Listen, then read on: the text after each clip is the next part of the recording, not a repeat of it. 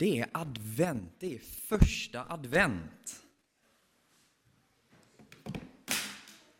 Och far, saker far och flyger.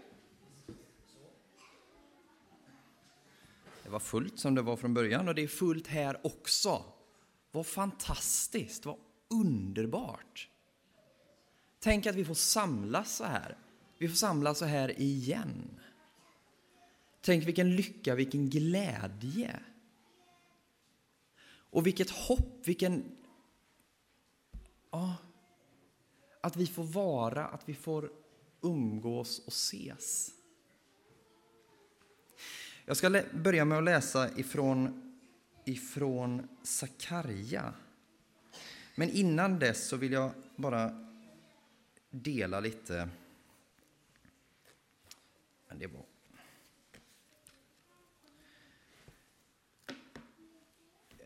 För jag tänker på att vi har det så här. Vi sitter här och bara har det gott. Ja, på det stora hela, vi behöver inte gå in på någons detaljer. Men på det hela taget, vi lever i ett land i fred. Det gjorde de inte... Man var väl under ockupation, om inte jag är helt fel ute och cyklar när Sakarja profeterar. De får rätta mig om jag har fel. Så att orden från Sakarja kom ju som en befrielse. Och jag tänker idag, när vi pratar om pågående konflikt i Ukraina. Tänk vilken befrielse det ska vara att få höra de här orden. Och vi har en viktig uppgift som församling, som kristna, att sprida budskapet. Sakarja kapitel 9, vers 9 och 10. Ropa ut din glädje, dotter Sion. Jubla, dotter Jerusalem. Se, din konung kommer till dig. Rättfärdig är han, seger är honom given. I ringhet kommer han, ridande på en åsna, på en ung åsnehingst. Jag ska förinta alla stridsvagnar i Efraim, alla hästar i Jerusalem. Krigets vapen ska förintas. Han ska förkunna fred och frihet för alla folken.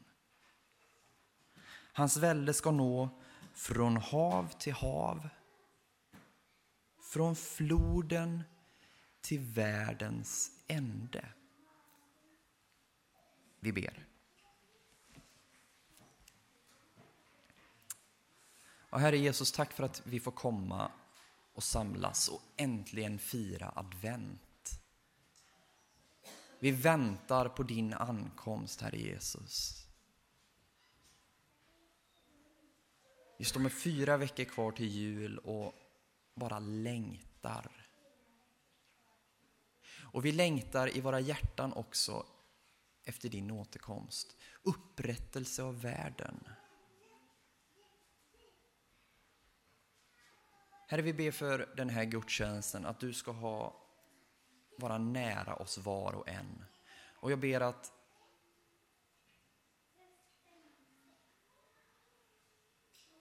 jag ber att din ande får landa över oss allihop. I ditt heliga namn Jesus. Amen. Det är mycket som händer i den här gudstjänsten. Det är medlemsintagning, det är pastor som ska välkomnas och, och eh, installeras, heter det. Och det är söndagsskolan och det är alltihop. Och mitt i alltihopa får vi vara och bara njuta.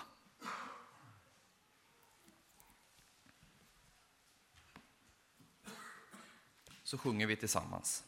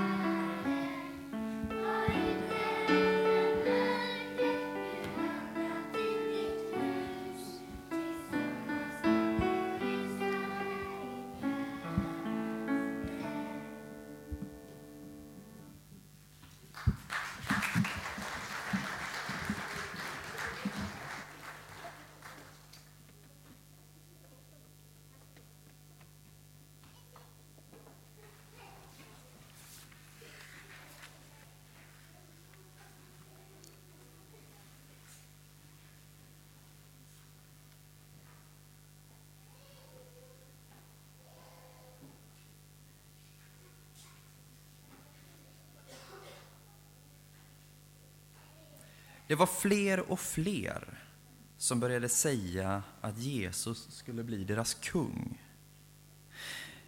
Men Jesus fiender blev allt mer arga, avundsjuka och irriterade på honom. Skulle han vara Guds son? Hur kan han förlåta synder? Vem tror han att han är? Jesus och hans lärjungar var på väg till Jerusalem. När de närmade sig staden sa Jesus till två av sina lärjungar Gå in till byn där framme. Där kommer ni hitta två åsnor. Hämta dem. De hämtade åsnorna och så lade de sina mantlar på dem och han satt upp. När Jesus red in i Jerusalem var det fullt av människor i staden. De tog sina mantlar och de skar kvistar från träden. De lade dem på vägen framför honom och ropade och sjöng Hosianna, Davids son. Välsignad är han som kommer i Herrens namn. Hosianna i höjden. Äntligen var kungen här. En kung lika mäktig som David, han som fällde jätten Goliat. Ja, nu var kungen här. Vi ska sjunga igen och då sjunger vi eh, salmen 105.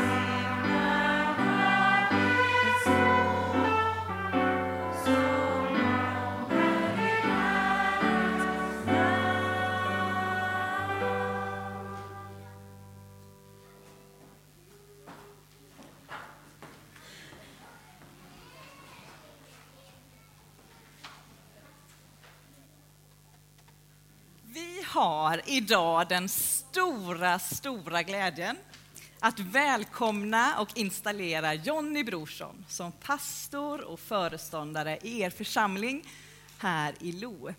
Jag som har förmånen att hålla installationen heter Elin Alm och är någonting som heter regional kyrkoledare här i Region Väst för kyrkan. Jonny, du har bejakat kallelsen från både Gud och den här församlingen att gå in i tjänst som pastor och föreståndare. Och nu när vi samlas till gudstjänst den här första advent så vill vi också passa på att be för dig och din tjänst. Vi vill önska dig Guds nåd och också Guds frimodighet att bruka de gåvor som Gud har lagt ner i dig för den här församlingens skull och för den här ortens skull. Och nu ska vi få höra till Guds ord om den pastorala tjänsten i Guds församling.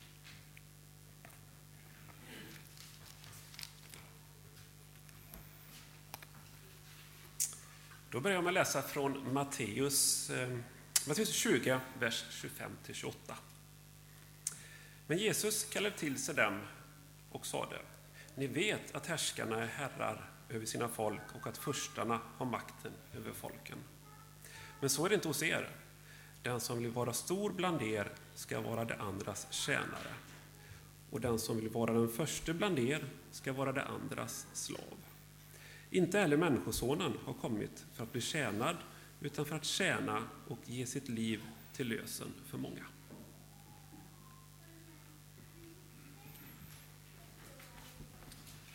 Och jag läser från Efesierbrevet kapitel 4, vers 15 och 16.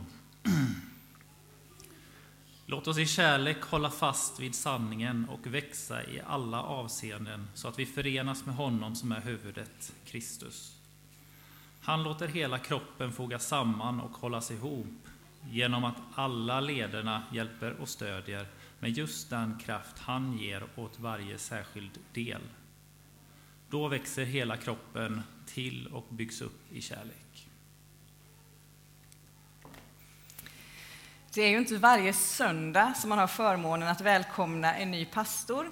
Och sitter man nu och är lite kortare än vad jag är och känner att nu sitter det en massa vuxna i vägen och tycker att det här är spännande så är det helt okej att komma fram och vara lite närmre om man vill det.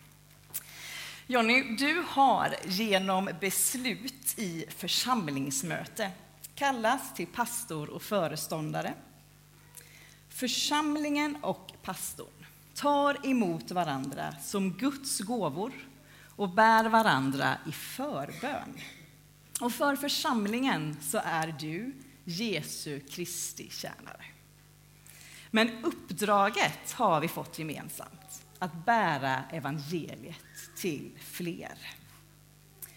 I Johannes evangeliet kapitel 15 så står det Ni har inte utvalt mig, utan jag har utvalt er och bestämt er till att gå ut i världen och bära frukt, frukt som består. Och då ska Fadern ge er vad ni än ber honom om i mitt namn. De här orden kan få påminna oss alla om att det är Gud som utvalt oss och att det är Gud som utvalt och kallat dig. Först och främst har han kallat dig till sig och sen till pastor och nu föreståndare här i Lo. Vissa dagar, det känner ni säkert igen er i, ni som går till jobbet, så går man till jobbet med stor glädje och entusiasm. Och andra dagar så kanske man går med lite tyngre steg. Oavsett hur du känner, vilka uppgifter som står nedskrivna i din almanacka, så är du först och främst kallad till Jesus, att följa honom. Du är oavsett tjänst eller inte tjänst älskad och kallad till efterföljd som den du är. Och du går inte i egen kraft, utan i Anden. Du går med Gud, utrustad av Gud. Glöm aldrig bort det. Att få förtroendet att tjäna i en församling som dess pastor är stort. För det har gett dig ett stort förtroende. Och det är en glädje för församlingen att du har svarat ja till att vara här en stund som deras pastor och föreståndare. Och kära församling, ni har kallat Jonny att vara just er pastor. Så glöm inte bort att be för honom. Be för hans familj, för Rebecka, för Josef och för Ester. Visa dem omsorg och glöm inte bort att gå tillsammans med varandra och med era anställda. För att Guds verk ska bli synligt här i Lo. Vi pratade tidigare i veckan i telefon, jag och Jonny, och då uttryckte du bland annat att du har längtat efter att få tjäna som pastor i en församling och där tillsammans brottas med livet och tron och bygga gemenskap. Och också att du och din familj redan känner er hemma i den här församlingen. Och när jag gör en liten fri tolkning av det vi samtalade om så skulle jag säga så här, att du nu har gått in i en tjänst som känns meningsfull, rolig, utmanande och spännande. Och du längtar efter att få se människor och en församling som vågar mer och mer vara sig själv, de vi är skapta till att vara. Och ett bibelord som följt dig under ganska lång tid, och här kommer ett litet tips till er som har förmånen att möta Jonny här nu i vardagen. Sätt er ner någon gång och så ber ni honom berätta lite mer om vad Johannes 10 och 10 betyder för honom. Där står det så här. Jag har kommit för att det ska ha liv och liv i överflöd. Gud vill att vi ska leva fullt ut, inte inskränkt, utan vi ska få liv i överflöd. Ett liv som flödar över redan nu, men även in i evigheten. evigheten. Och det är en grund för dig att stå på. Så se fram emot många spännande samtal kring bland annat detta. Jonny, du leder med hela ditt liv. Var därför mån om att hela ditt liv ryms. Fritid, jobb, familj, fördjupning, något som är roligt. Och som församling så ber jag er om att hjälpa Jonny med det. Påminn honom om att livet innehåller så mycket olika saker. Och så glöm inte bort att ni går tillsammans i Guds andes kraft. Kära församling, ni har kallat och tagit emot Jonny. Be för honom, be för hans familj. Bär, uppmuntra, gå med och fråga efter. Du som har möjlighet får nu gärna ställa dig upp så ska Jonny få en fråga och ni som församling. Varsågoda. Jonny, när du ordinerades lovade du att samla och bygga upp Kristi kropp, förkunna Guds ord, förvalta sakramenten och utöva själavård. Du lovade också att inte för någon röja vad som anförtros dig under bikt eller i enskild själavård. Gud vill hjälpa dig att hålla de här löftena. Vill du tjäna i Equmeniakyrkan Los församling med dessa löften som grund? Ja. Vill församlingen ta emot Jonny Brorsson som sin pastor och föreståndare? Att vara Kristi tjänare i församling och samhälle med uppgift att leda församlingens liv i det strävan att fullgöra sin kallelse samt att stödja honom i hans tjänst och bära honom i förbön. Varsågod och sitt. Genom bön och handpåläggning vill vi nu installera dig som pastor och föreståndare i denna församling och be om Guds välsignelse över dig och din tjänst. Så du får gärna falla på knä och ni som finns i styrelsen som vi pratade om innan får gärna komma med och så ber vi tillsammans.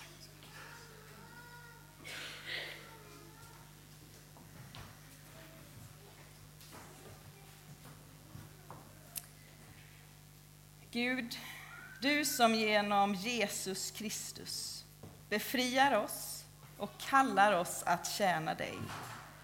Vi tackar för att du har gett oss olika gåvor och uppgifter i din församling.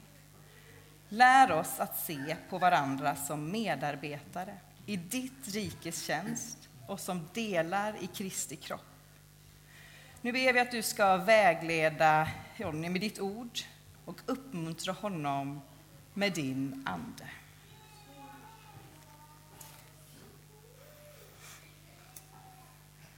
Tack Jesus för Jonny. Tack för att han har valt att vilja jobba i vår församling Jesus. Var med honom i hans tjänst så att han visar oss vägen Jesus. Och var med oss som församling så att vi hjälper och stöttar Jonny i detta också. Och tack för hans familj. Jesus.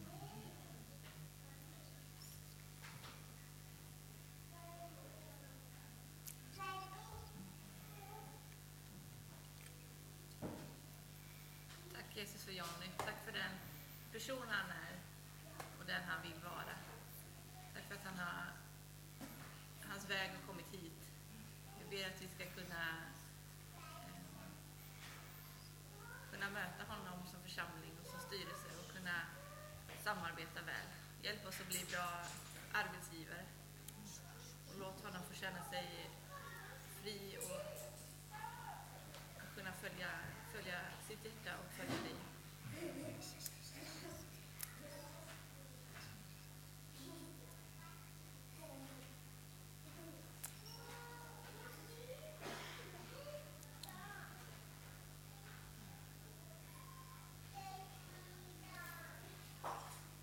Och du som vill får gärna vara med och be om Herrens välsignelse. Herren välsigne dig och bevare dig. Herren låter sitt ansikte lysa över dig och vare dig nådig. Herren vände sitt ansikte till dig och give dig frid. I Faderns och Sonens och den helige Andes namn. Amen.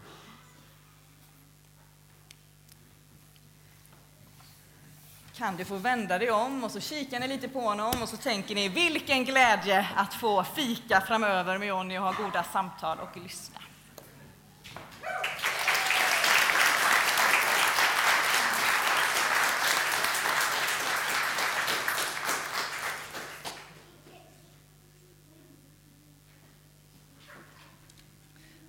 Det är väl fantastiskt vilken förmån vi har. Nu ska vi få dela med oss i kollekt. Eh, Swishnummer kommer här uppe och eh, utgångskollekt har vi väl som vi brukar ha sedan ett tag tillbaka. Idag är det vad vi kallar för byggoffer. Vi har ju inget bygge framför oss, men vi har lokaler att underhålla och så vidare. Så att det är det vi samlar in till idag. Under tiden så sjunger vi salmen 109. Det susar genom livets strid.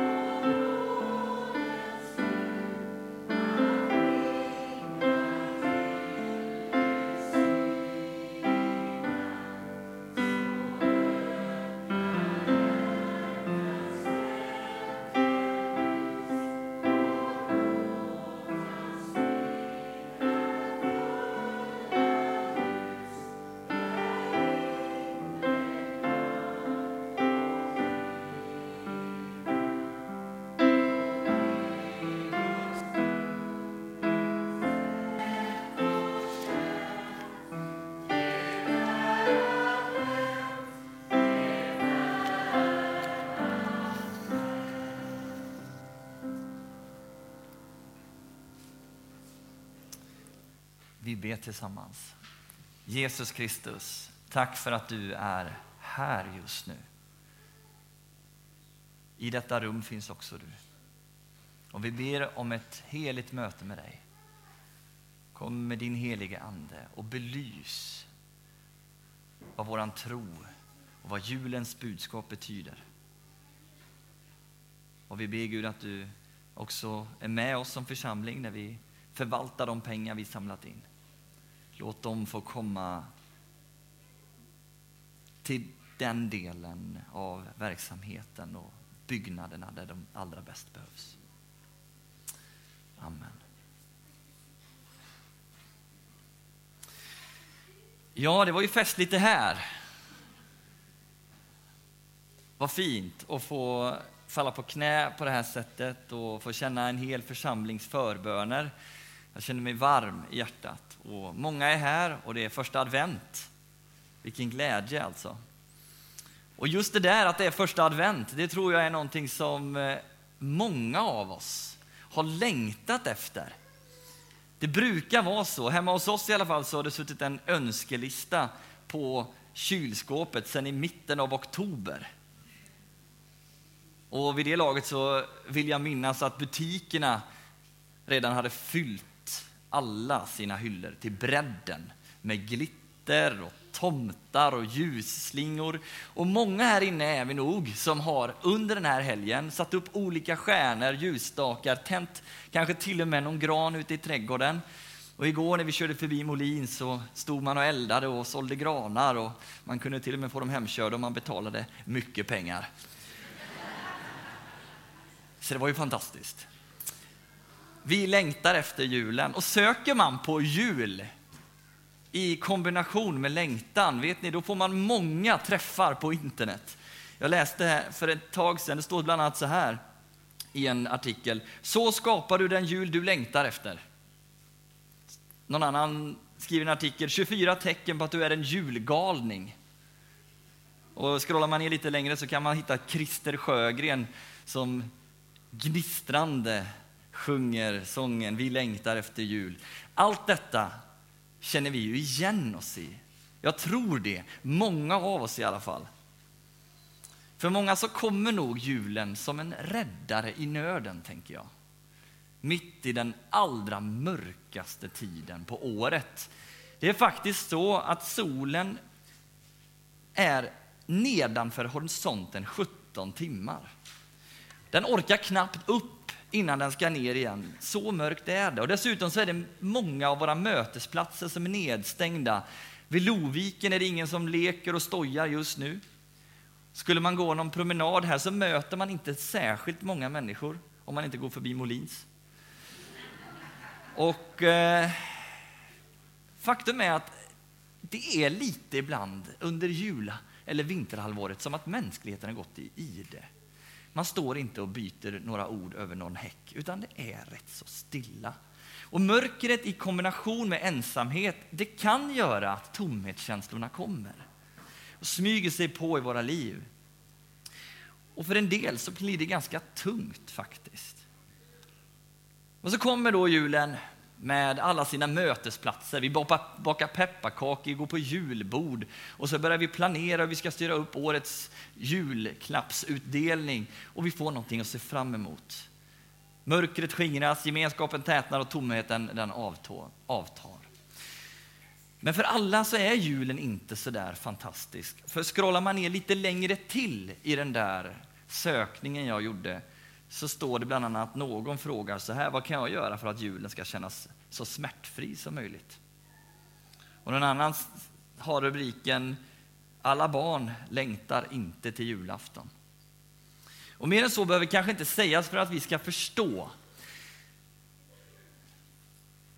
att julens glitter, tomtar och julgransbelysningar, de kan inte mätta möta våra djupaste behov av gemenskap, av ljus och av närhet och kärlek. Det finns ett djupare behov i oss människor som kan göra att vi kan törsta efter gemenskap trots att vi är bland människor. som kan göra att vi ibland känner hemlängtan trots att vi redan har ett hem.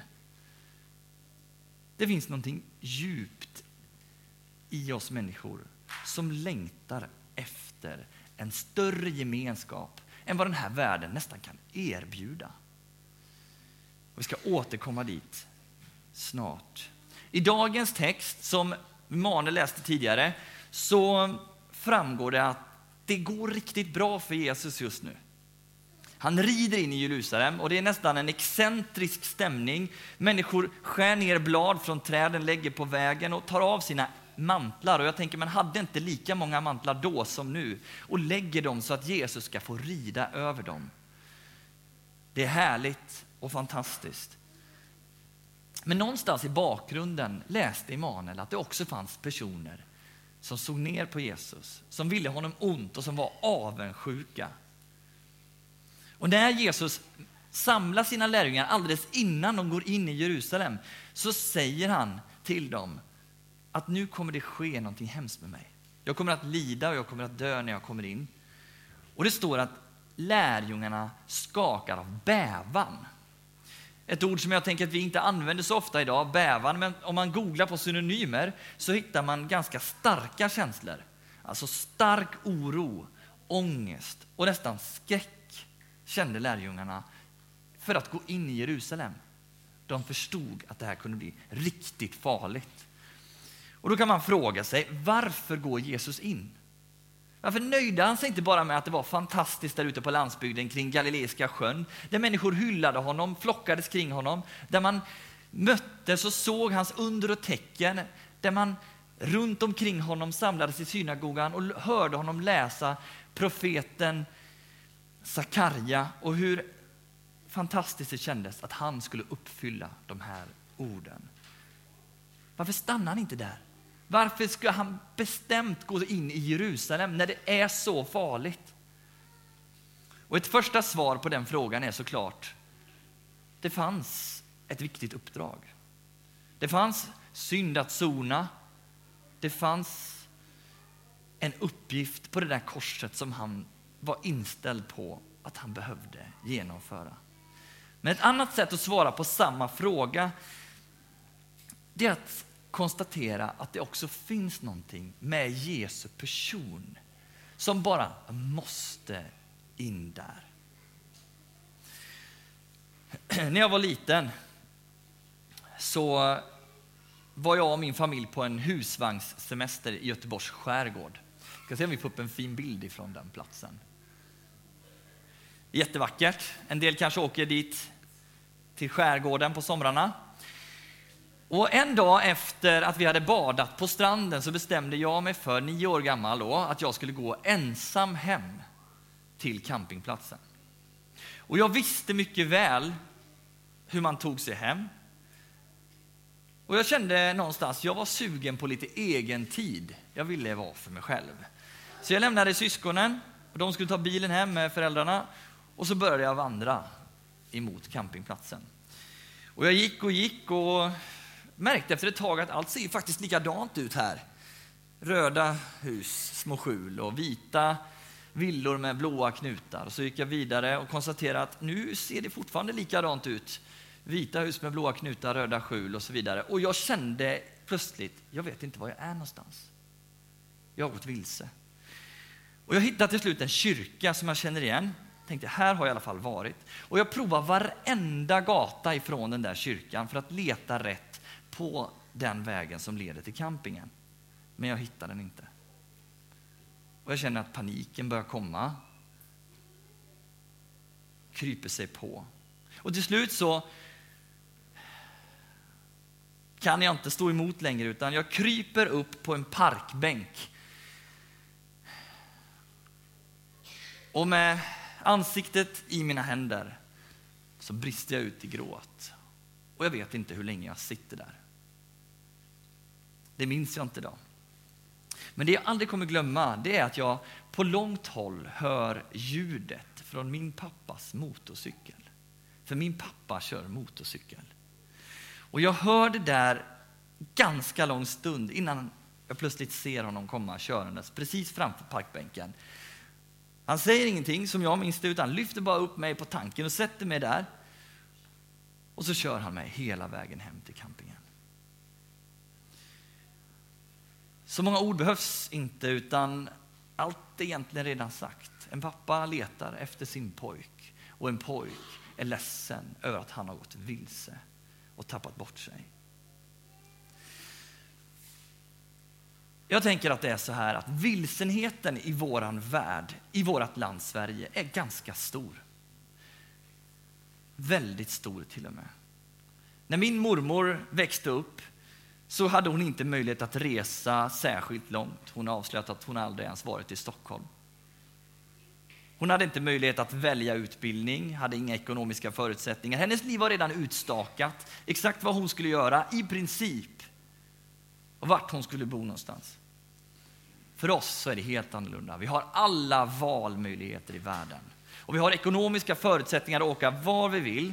Ändå pekar alla siffror på att trots den friheten så mår vi sämre idag än någonsin tidigare. Antalet 15-åriga tjejer som mår psykiskt dåligt har fördubblats på de sista 30 åren. Så ser det ut. Vilsenheten i Sverige är stor. Det är tuffare än någonsin att leva i den här världen. Och jag tänker att man kan gå vilse på flera olika sätt. I livet alltså. Man kan dels gå vilse med flit. Alltså man kan välja fel väg medvetet för att vinna egna fördelar. Och som Veronica Maggio sjunger, det kostar ingenting i början, men det blir alltid dyrt till slut. Vi hade en konfirmationsavslutning för några år sedan och då var det konfirmander som valde att göra ett drama på den här tematiken. Det var en flicka som kom in med en ryggsäck på sin rygg och hon gick runt och under en vanlig dag och mötte en massa olika moraliska dilemman. Det var bland annat någon som hon, eh, hon ville hänga på mobbarna då och eh, var därför taskig mot en annan tjej som de stött ut. Hon blev avundsjuk på sin kompis som hade en så fantastiskt ny och dyr och fin telefon. Så hon liksom putte ner den och låtsas att den har ramlat ner i marken. Och när hon får chansen att be om förlåtelse, då ljuger hon. Hon gör sak efter sak för att rädda sitt eget skinn. Precis som Petrus gör när han sviker sin egen mästare och vän. Sak efter sak. Och varje gång som det där händer så smyger en mörk figur in på scenen och stoppar i en tung sten i flickans ryggsäck. Till slut så blir hon sittandes liksom. För hon orkar inte ens ställa sig upp för det är så tungt med den där ryggsäcken. Hon vet inte vad hon ska ta sig till. Vi kan lämna henne där lite. Det andra är att vi kan gå vilse, och det stämmer kanske bättre med mitt exempel egentligen, bara på grund av hur livet ser ut. Att det helt enkelt är svårt att leva och välja rätt. För det var egentligen inget fel med att jag gick hem själv från stranden och det var heller inget fel med att mina föräldrar lät mig göra det. Det var bara det att det var svårt att hitta. Det var svårt och veta vilken väg jag skulle ta. Och det finns en annan berättelse i Bibeln som Jesus också berättar som är precis där och snackar. Och det är berättelsen om de hundra fåren. Ni känner ju säkert till den. Ett får irrar sig vilse. Och i berättelsen så är det ju självklart att herden ger sig ut för att leta efter fåret. Vilket vi tänker kanske knappt på att det är något konstigt. Men egentligen är det ju så att på den här tiden så skulle ingen normal funtad herde i hela världen lämna 99 får utan stängslad hage för att ge sig ut och leta efter ett får i hopp om att kanske hitta det. Man riskerar ju inte 99 för ett. Men det är just här poängen ligger. Så är det med Jesus. För honom är varje får så avgörande och viktigt. Att han är beredd att ge sig ut och leta efter det fåret. För att det betyder allt för honom. Så älskade Gud världen för att var och en som tror ska bli räddad. Var och en. Guds kärlek är personlig. Och Det är någonting som vi i frikyrkan har varit duktiga på att, att poängtera. Vi kan läsa i psalm 139, står det så här. Du skapade organen i min kropp. Du vävde samman mig i min mors livmoder. Du såg mig innan jag föddes och i din bok blev varje bestämd dag i mitt liv inskriven innan någon av dem hade börjat. Mina barn frågar ibland, var fanns jag innan jag föddes? Vi brukar svara, du fanns hos Gud. Du fanns hos Gud. Gud ville ditt liv. Hade Gud haft en plånbok så hade ditt kort suttit, på, suttit i den plånboken. Och hade han haft ett kylskåp så hade, du, hade han definitivt haft en bild på dig på det kylskåpet. Och hade han haft en dagbok så tror jag att han hade skrivit om dig i den varenda dag. Till sist så vill jag lyfta fram en detalj i texten om hur Jesus rider fram in i Jerusalem. På frågan vad de ska säga när någon vill hindra dem att ta åsnan så säger Jesus så här. Ni ska svara att Herren behöver den. Och i år så har den här lilla rubriken fastnat lite extra i mig. Tänk att Herren behöver någonting. Gud är ju Gud, han är universums skapare. Herre, vad behöver han? Egentligen ingenting. Men den här gången behövde han tydligen en åsna, en helt vanlig liten åsna, inte särskilt andlig troligtvis, utan bara helt vanlig. Och här skulle vi kunna stanna upp och dra ett resonemang om att Gud behöver också dig. Och det skulle vara helt rätt och gott att göra det. Gud behöver också dig. Men jag vill skruva till det ytterligare och säga att när är det så att vi säger så till varandra? När kramar du om honom och säger, och säger så här, jag behöver dig, jag kan inte leva utan dig? Jo, du säger det till någon som du älskar väldigt mycket. Och det handlar ganska lite om tvätt, om matlagning och hjälp i vardagen med praktiska olika saker. Utan det handlar om att du vill uttrycka en närhet, kärlek och ömhet. Det är vad Gud också vill göra med dig. Han behöver dig. Det är därför han rider in i Jerusalem. Därför han kan inget annat. Hela hans personlighet är av samma slag som Gud. Och han söker efter den som är förlorad. Och han tittar upp och kallar ner människor från träd och tar kontakt med kvinna, kvinnor vid brunnar. Han skickar till och med ut sig själv på vattnet för att möta sina lärjungar som förvirrat kämpar emot en, en upprörd storm. Därför att han har en lidelse och kärlek så enormt stor till oss människor. Se, din konung kommer till dig, är budskapet idag. Se, din konung kommer till dig. Till dig där du är just nu. Du behöver alltså inte ta dig någonstans, utan Jesus kommer till dig.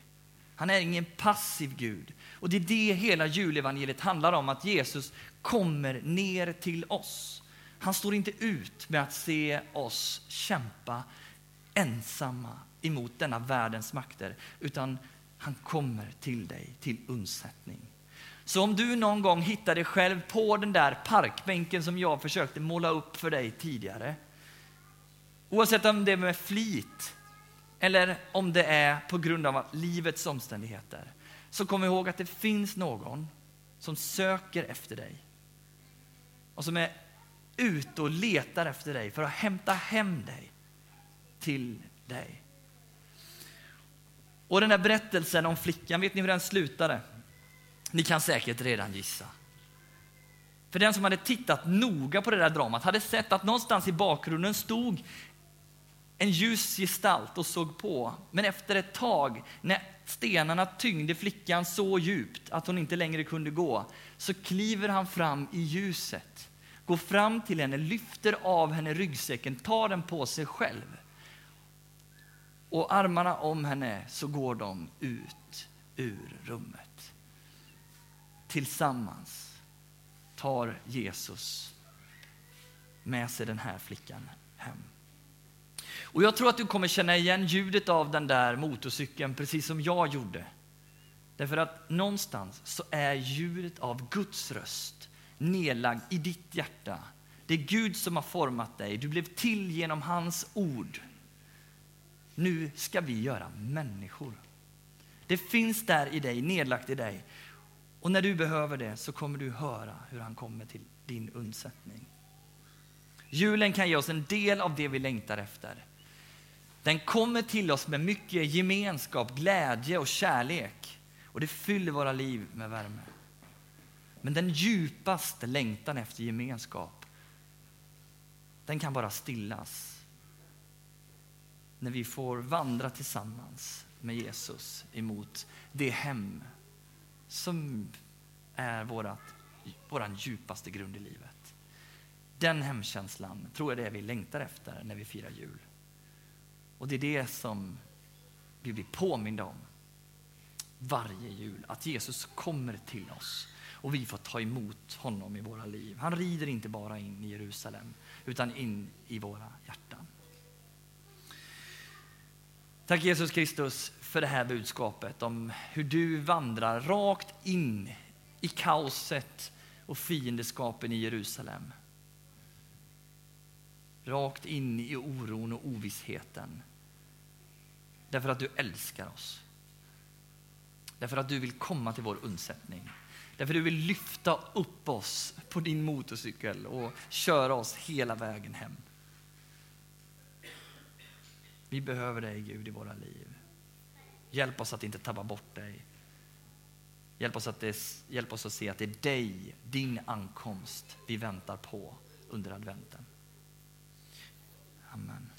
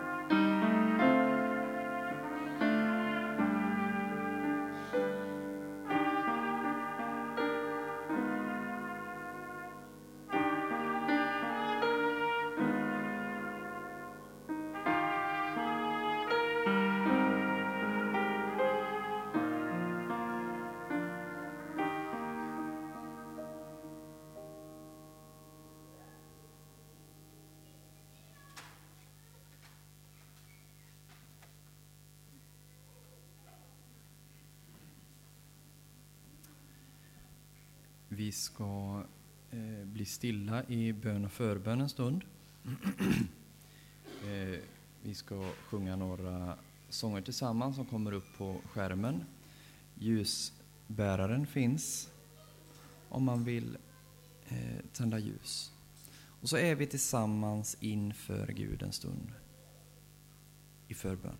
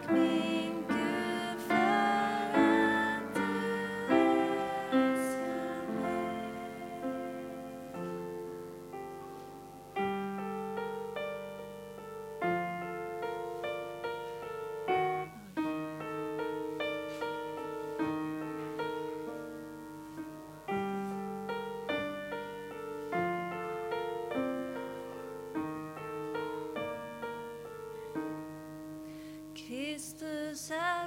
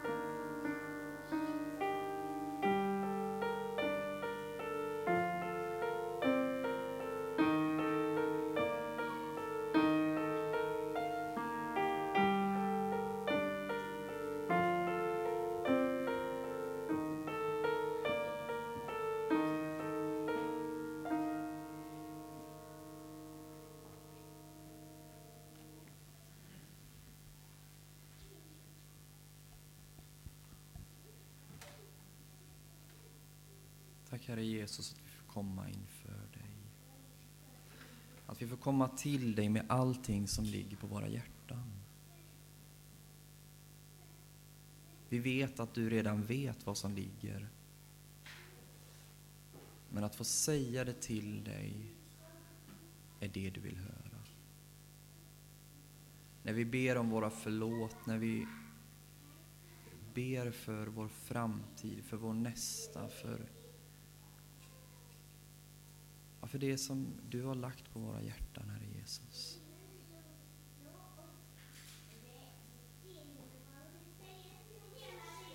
Låt oss hålla oss vakna, låt oss hålla oss öppna för det du vill säga. I en värld av larm och strider och elände. Kom med ditt stilla sus i våra liv. Kom med din ande och fyll våra liv. Herre Jesus, vi ber för alla här inne och alla som finns på allas våra hjärtan. Du ser ljusbäraren, böneträdet, alla ljus som brinner och vad de står för. Ända ner till det minsta barns glädje över att få tända ett ljus. I tacksägelse, i sorg, i glädje, i saknad. Herre Jesus, du känner oss allihop.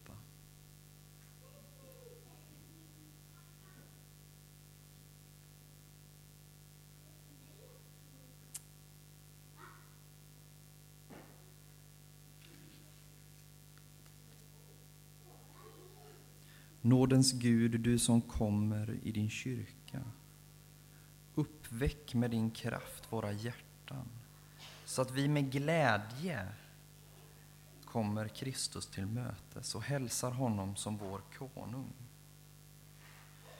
Du som med Sonens och den heliga andens, heliga anden lever och verkar från evighet till evighet.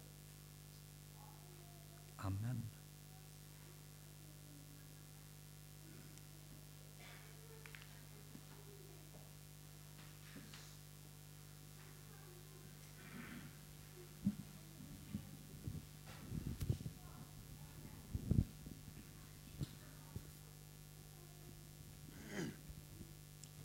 Ja, vilken glädjegudstjänst! Och än är det inte slut på det roliga. Nu ska vi nämligen få hälsa nya medlemmar välkomna. Ni kan komma fram och ställa er här på en rad.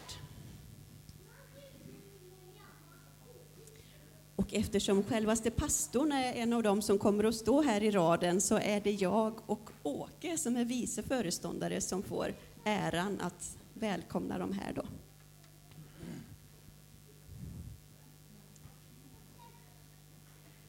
Har ni sett en hel rad, nio stycken? Fantastiskt! Det är inte ofta det händer.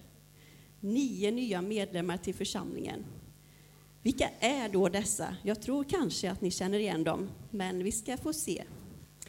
Först har vi här då fem stycken ungdomar som kommer att gå med i församlingen på personlig bekännelse.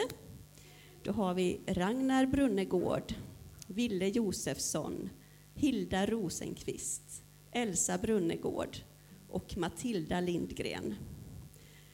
Och ni alla fem har ju vuxit upp här i församlingen. Ni har funnits här sedan ni var bebisar. Gått i söndagsskola, scout, tonår, konfirmation, läger, allt liksom. Följt med era föräldrar hit.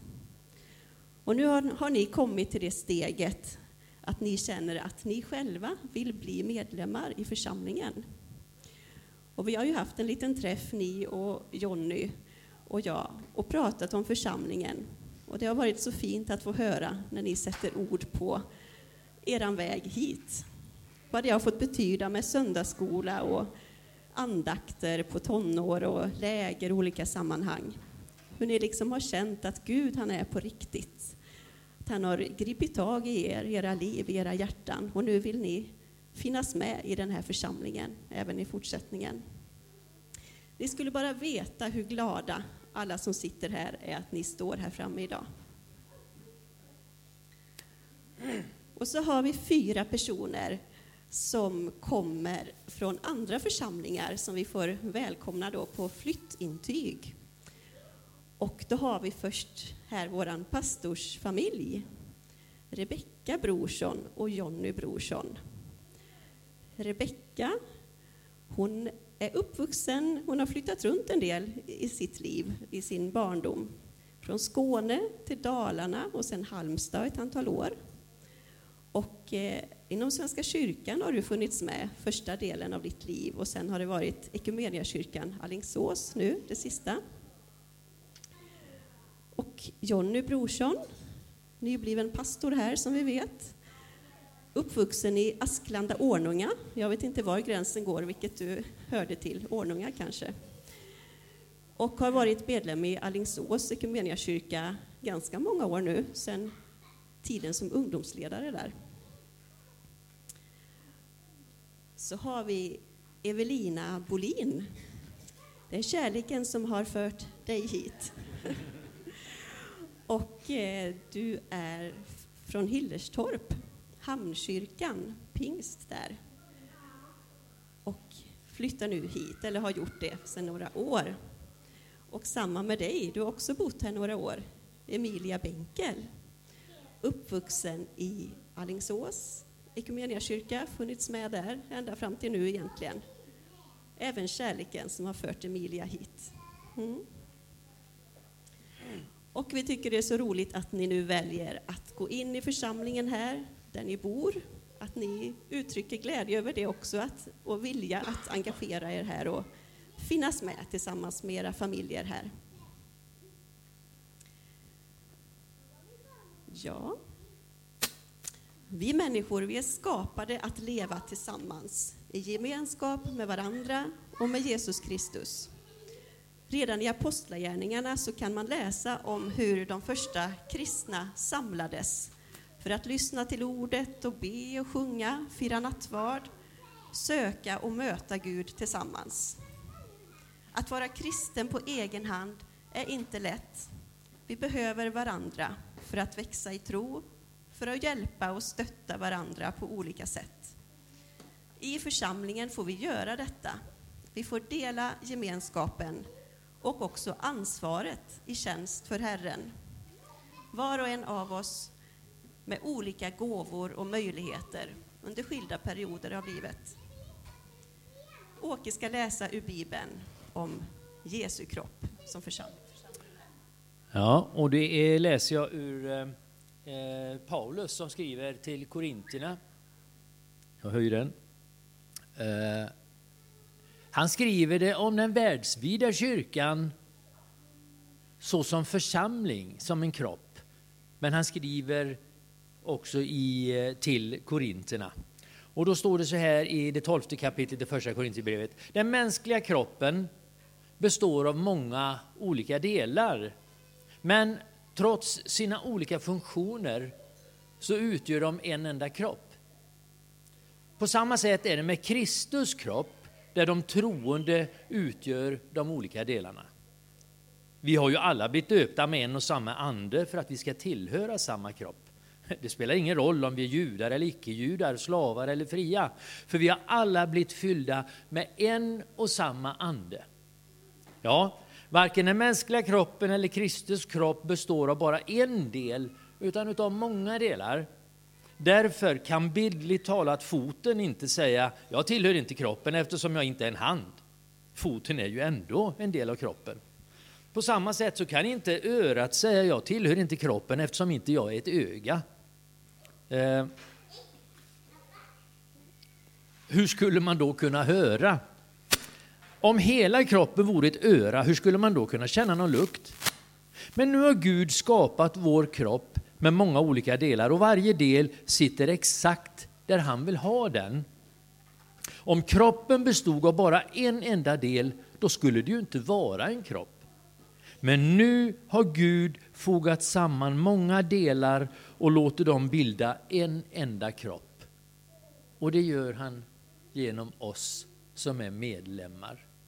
Ni har valt att följa Jesus. Ni tillhör den världsvida kyrkan, men idag så blir ni också medlemmar i vår lokala församling här i Lo. Ja, församlingen är Kristi kropp, där gudomligt och mänskligt möts. Och vi inbjuds alla att bli en del av denna kropp, där vi var och en är delar som är till för varandra. Och Jesus Kristus, han är huvudet på kroppen. Det är i honom som vi är till. Vi får påminnas om att det är tron på Jesus Kristus som förenar oss. Även om vi kan tycka och tänka lite olika ibland i vissa frågor så får vi påminnas om att det är Jesus som förenar oss. Vi får leva med honom som förebild, hålla blicken fäst vid honom.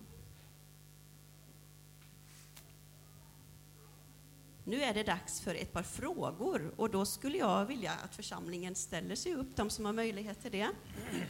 Så ska jag ställa två frågor och den första är till er här framme och den andra är till församlingen. Då frågar jag er här, var och en, fast alla samtidigt. Vill du bekräfta din tro på Jesus Kristus och på dopets grund dela församlingens gemenskap och uppgift? Så vänder jag mig till församlingen. Vill ni som församling omsluta dessa i gemenskap och kärlek för att tillsammans med dem förnyas och växa i tro, hopp och kärlek? Ja. Varsågod och sitt. Ni får stå kvar.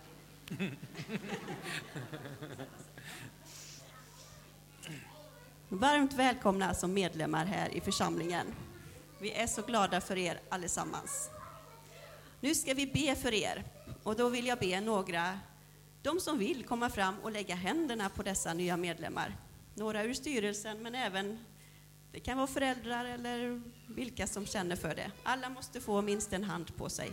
Spring upp. Så kan jag också berätta att ni här framme, ni kommer att bli hembjudna till någon i församlingen. Som liten början till att lära känna några fler än de man brukar hänga med. Så ni ungdomar kommer att få komma hem till någon och ni andra med era familjer. Det blir inte idag, men någon gång framöver.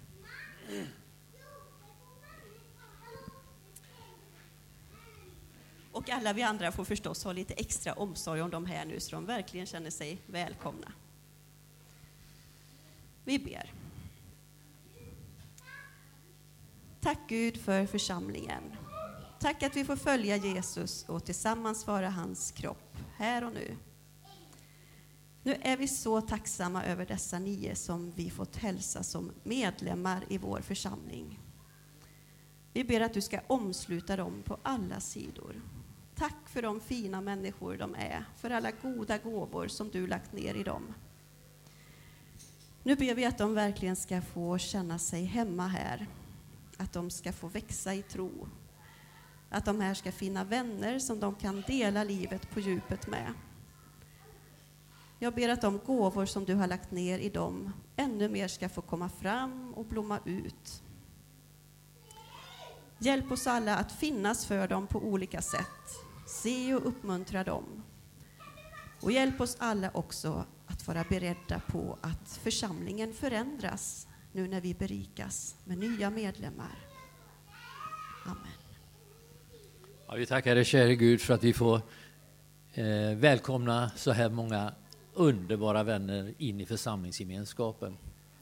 Tackar dig Gud för att du ger dem kraft och styrka genom det vardagliga livet.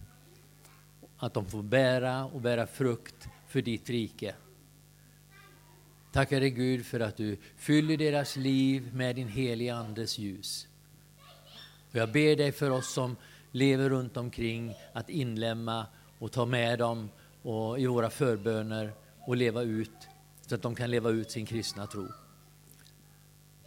Och nu ska vi tillsammans lägga Herrens välsignelse på er. Så hela församlingen, vi ber Herren välsigne er. Herren välsigne er och bevarar er. Herren låter sitt ansikte lysa över er och vare er nådig. Herren vänder sitt ansikte till er och give er frid. I Faderns och Sonens och den helige Andens namn. Amen.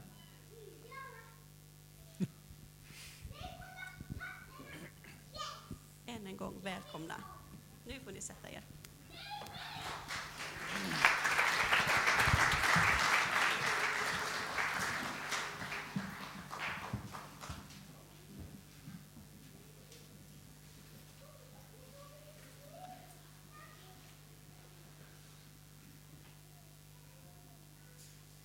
Ja, vilken fantastisk söndag att få, ja, bara få vara här och njuta. Nu har vi hållit på länge och vi ska hålla på lite, lite, lite till. Så ni som har eh, lika svårt att sitta still som min dotter eh, får eh, göra det lite till. Eh, Elin Anvegård, där är du, ska få säga några ord.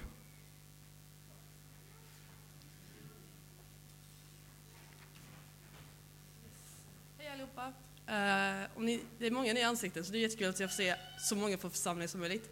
Jag är nya ungdomsledaren. Jag vill bara informera om att uh, vi ska ha ett nyårsläge i Limma slash Kläppen.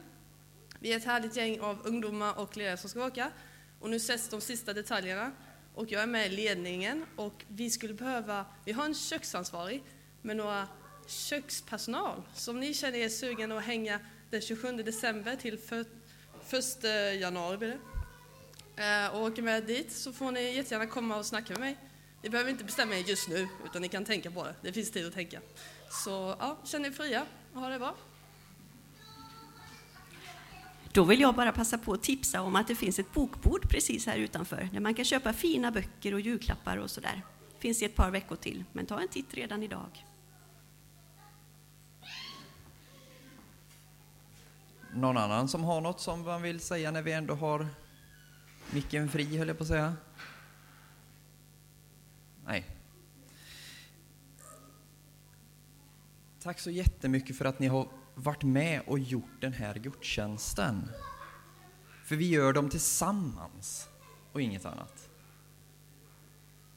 Efter gudstjänsten här nere så är det inte Skorpan idag utan det blir lite, lite mer tilltugg.